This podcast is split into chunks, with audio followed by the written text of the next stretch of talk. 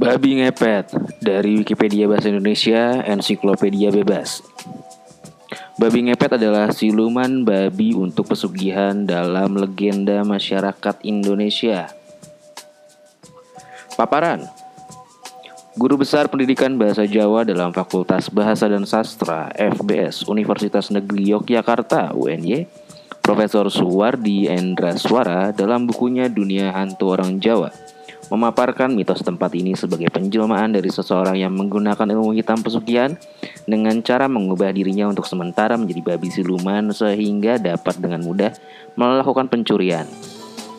Asian Folklore Studies, terbitan Asian Folklore Institute memaparkan bahwa konsep perubahan manusia ke binatang ini serupa dengan konsep werewolf di barat. Jadi intinya babi ngepet itu adalah um, jenis perubahan seseorang menjadi sebuah makhluk yang digunakan untuk melakukan hal-hal yang tidak bisa dilakukan ketika dia uh, dalam bentuk manusia. Tapi kenapa pilihannya babi? Mari kita lanjutkan. Mitos menceritakan bahwa tindakan pesugihan ini dilakukan hanya pada malam hari tertentu dan oleh dua orang – Biasanya sepasang suami istri dengan suami sebagai tuan yang akan menjadi babi dan istri sebagai pembantunya. Tindakan ini didahului dengan puasa beberapa hari sebelumnya. Tindakan ini juga disertai sesaji yang terdiri atas kembang setaman, minyak wangi, kopi pahit, jajan pasar, kemenyan atau setanggi, dan darah ayam cemani. Serta dilengkapi dengan baskom berisi air yang di tengahnya ditaruh sebatang lilin atau lampu minyak kecil dalam bahasa Jawanya sentir. Oke, okay, um, dilakukan hanya pada malam hari tertentu dan oleh dua orang. Oke, okay, berarti babi ngepet ini adalah sebuah kegiatan bergu ya, karena lebih dari satu orang, harus dua orang atau minimal dua orang. Ada uh, yang menjadi tuan dan ada yang menjadi pembantunya. Terus Tindakan ini didahului dengan puasa beberapa hari sebelumnya. Jadi sebelum melakukan pengepetan ini, seseorang atau regu ini harus melakukan tirakat berupa puasa beberapa hari. Beberapa harinya nggak disebutin, mungkin dua atau tiga hari karena beberapa, mungkin lebih dari satu hari ya. Kemudian disertai sesaji.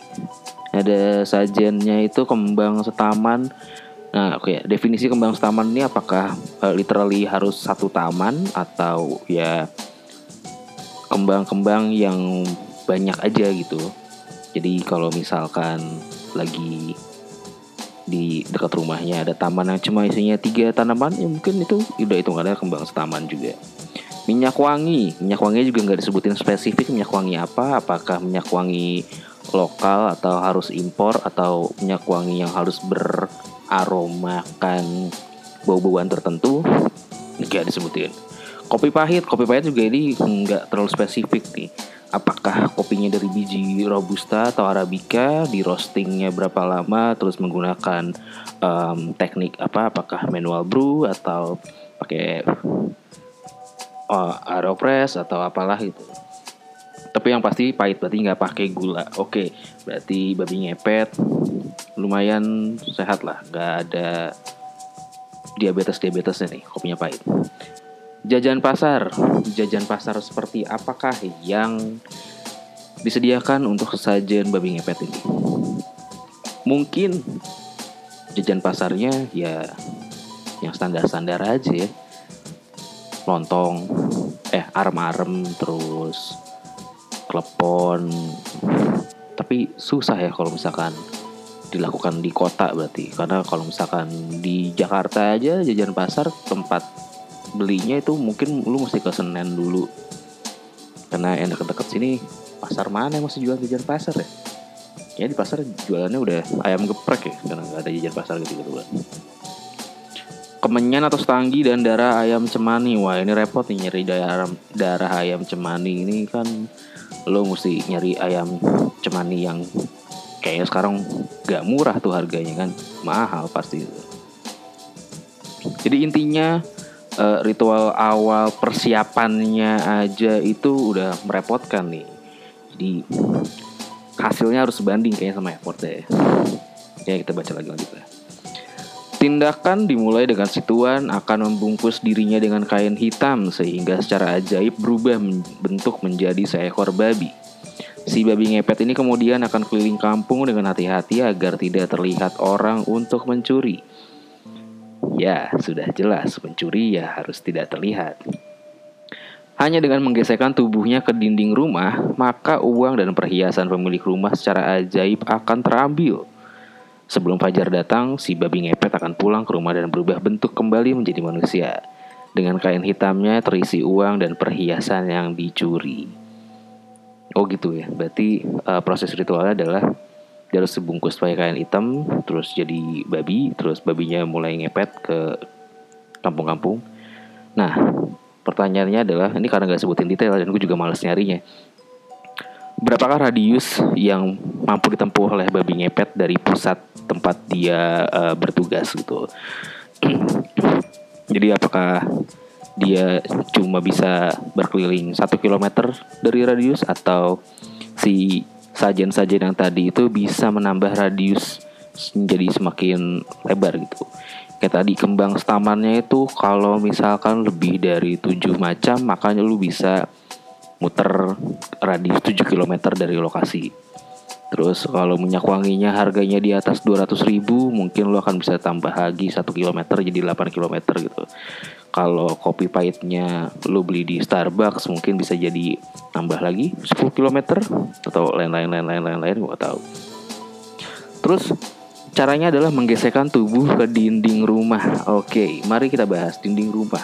Berarti kalau dinding rumah si babi ngepet ini hanya bisa mengambil harta orang-orang yang rumahnya tidak berpagar. Karena kalau menurut gua ini pendapat personal anjing. Pagar itu tidak termasuk di dinding rumah. Dinding rumah ya bagian yang mengelilingi rumah aja gitu. Kalau pagar kan ya beda lagi itu. Nggak tahu ya. Apa, apa di pagar juga bisa? Nggak tahu ya kalau misalkan bisa ya berarti bener nih dari pagar aja kalau enggak ya berarti kan harus dari dalam udah sih pertanyaannya gitu aja nggak jelas emang oke lanjut lagi lanjut lagi Sementara si pembantu bertugas untuk tetap tinggal di rumah dan menjaga api lilin atau lampu harus tetap menyala selama si tuan bertindak. Jika nyala lilin atau lampu bergoyang atau meredup, itu menandakan bahwa si tuan dalam bahaya. Misalnya terpergok dan dikejar orang, wah ini dikejar tujuh bapak-bapak bugil nih pasti nih. Dalam kondisi ini si pembantu harus mematikan lilin atau lampu tersebut agar si tuan dapat segera berubah bentuk kembali menjadi manusia dan menghilang kembali ke rumah dengan selamat. Apabila si pembantu lalai, maka si tuan mungkin tertangkap atau bahkan terbunuh dan lilin atau lampu akan padam dengan sendirinya. Berat juga ya tugasnya. Nah, ini kalau misalkan uh, ini kalau kalau gini kan jika nyala lilin atau lampu bergoyang atau meredup, berarti situannya dalam bahaya. Kalau kondisi kayak gitu, pembantu harus matiin lilinnya. Oke, jadi kalau kasus ada babi ngepet yang ketangkep itu berarti si yang jagain lilinnya nggak teliti itu. Tolol banget ya. Maksudnya tugas dia kan cuma satu tuh jagain lilin supaya lilinnya nggak mati itu atau kalau misalkan udah mulai goyang-goyang redup yang matiin biar aman gitu. Nah, kalau sampai ada babi yang ketangkap babi ngepet yang ketangkap berarti yang patut disalahkan dari si regu babi ngepet ini adalah bagian yang menjaga lilinnya karena dia tidak awas dan lalai dalam pekerjaannya. Patut diberi SP1 atau SP2 atau langsung surat PHK ya Ah, asal usulnya sendiri ini ada mitos yang menceritakan bahwa siluman babi ini berasal dari Gunung Kawi, Malang, Jawa Timur. Pelaku yang ingin menguasai ilmu hitam pesugihan ini bersama istrinya akan datang ke gunung menemui Kuncen. Setelah mereka menyerahkan sesajen dan uang mahar dan menyatakan siap menanggung segala akibatnya, maka Kuncen akan mempertemukan mereka dengan siluman babi. Si pelaku akan membuat perjanjian menyerahkan tumbal nyawa dari kerabat dekat yang disayangi, biasanya anak sendiri, jika janji ini tidak dipenuhi, maka nyawa si pelaku sendiri yang akan menjadi gantinya. Setelah itu si pelaku akan memakan kotoran dari siluman babi, lalu kuncen akan memberikan petunjuk serta alat kerja berupa sebuah kain hitam goib. Luar biasa ya, ritual ribet sebenarnya tuh si babi ngepet itu.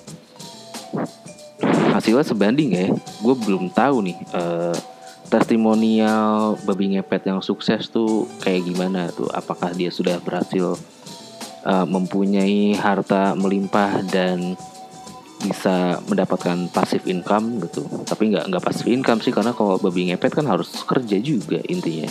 Jadi pendapat ibu-ibu yang mengatakan kalau orang nganggur si babi ngepet ini nganggur dan punya duit banyak dia tidak menganggur bu. Dia mengepet.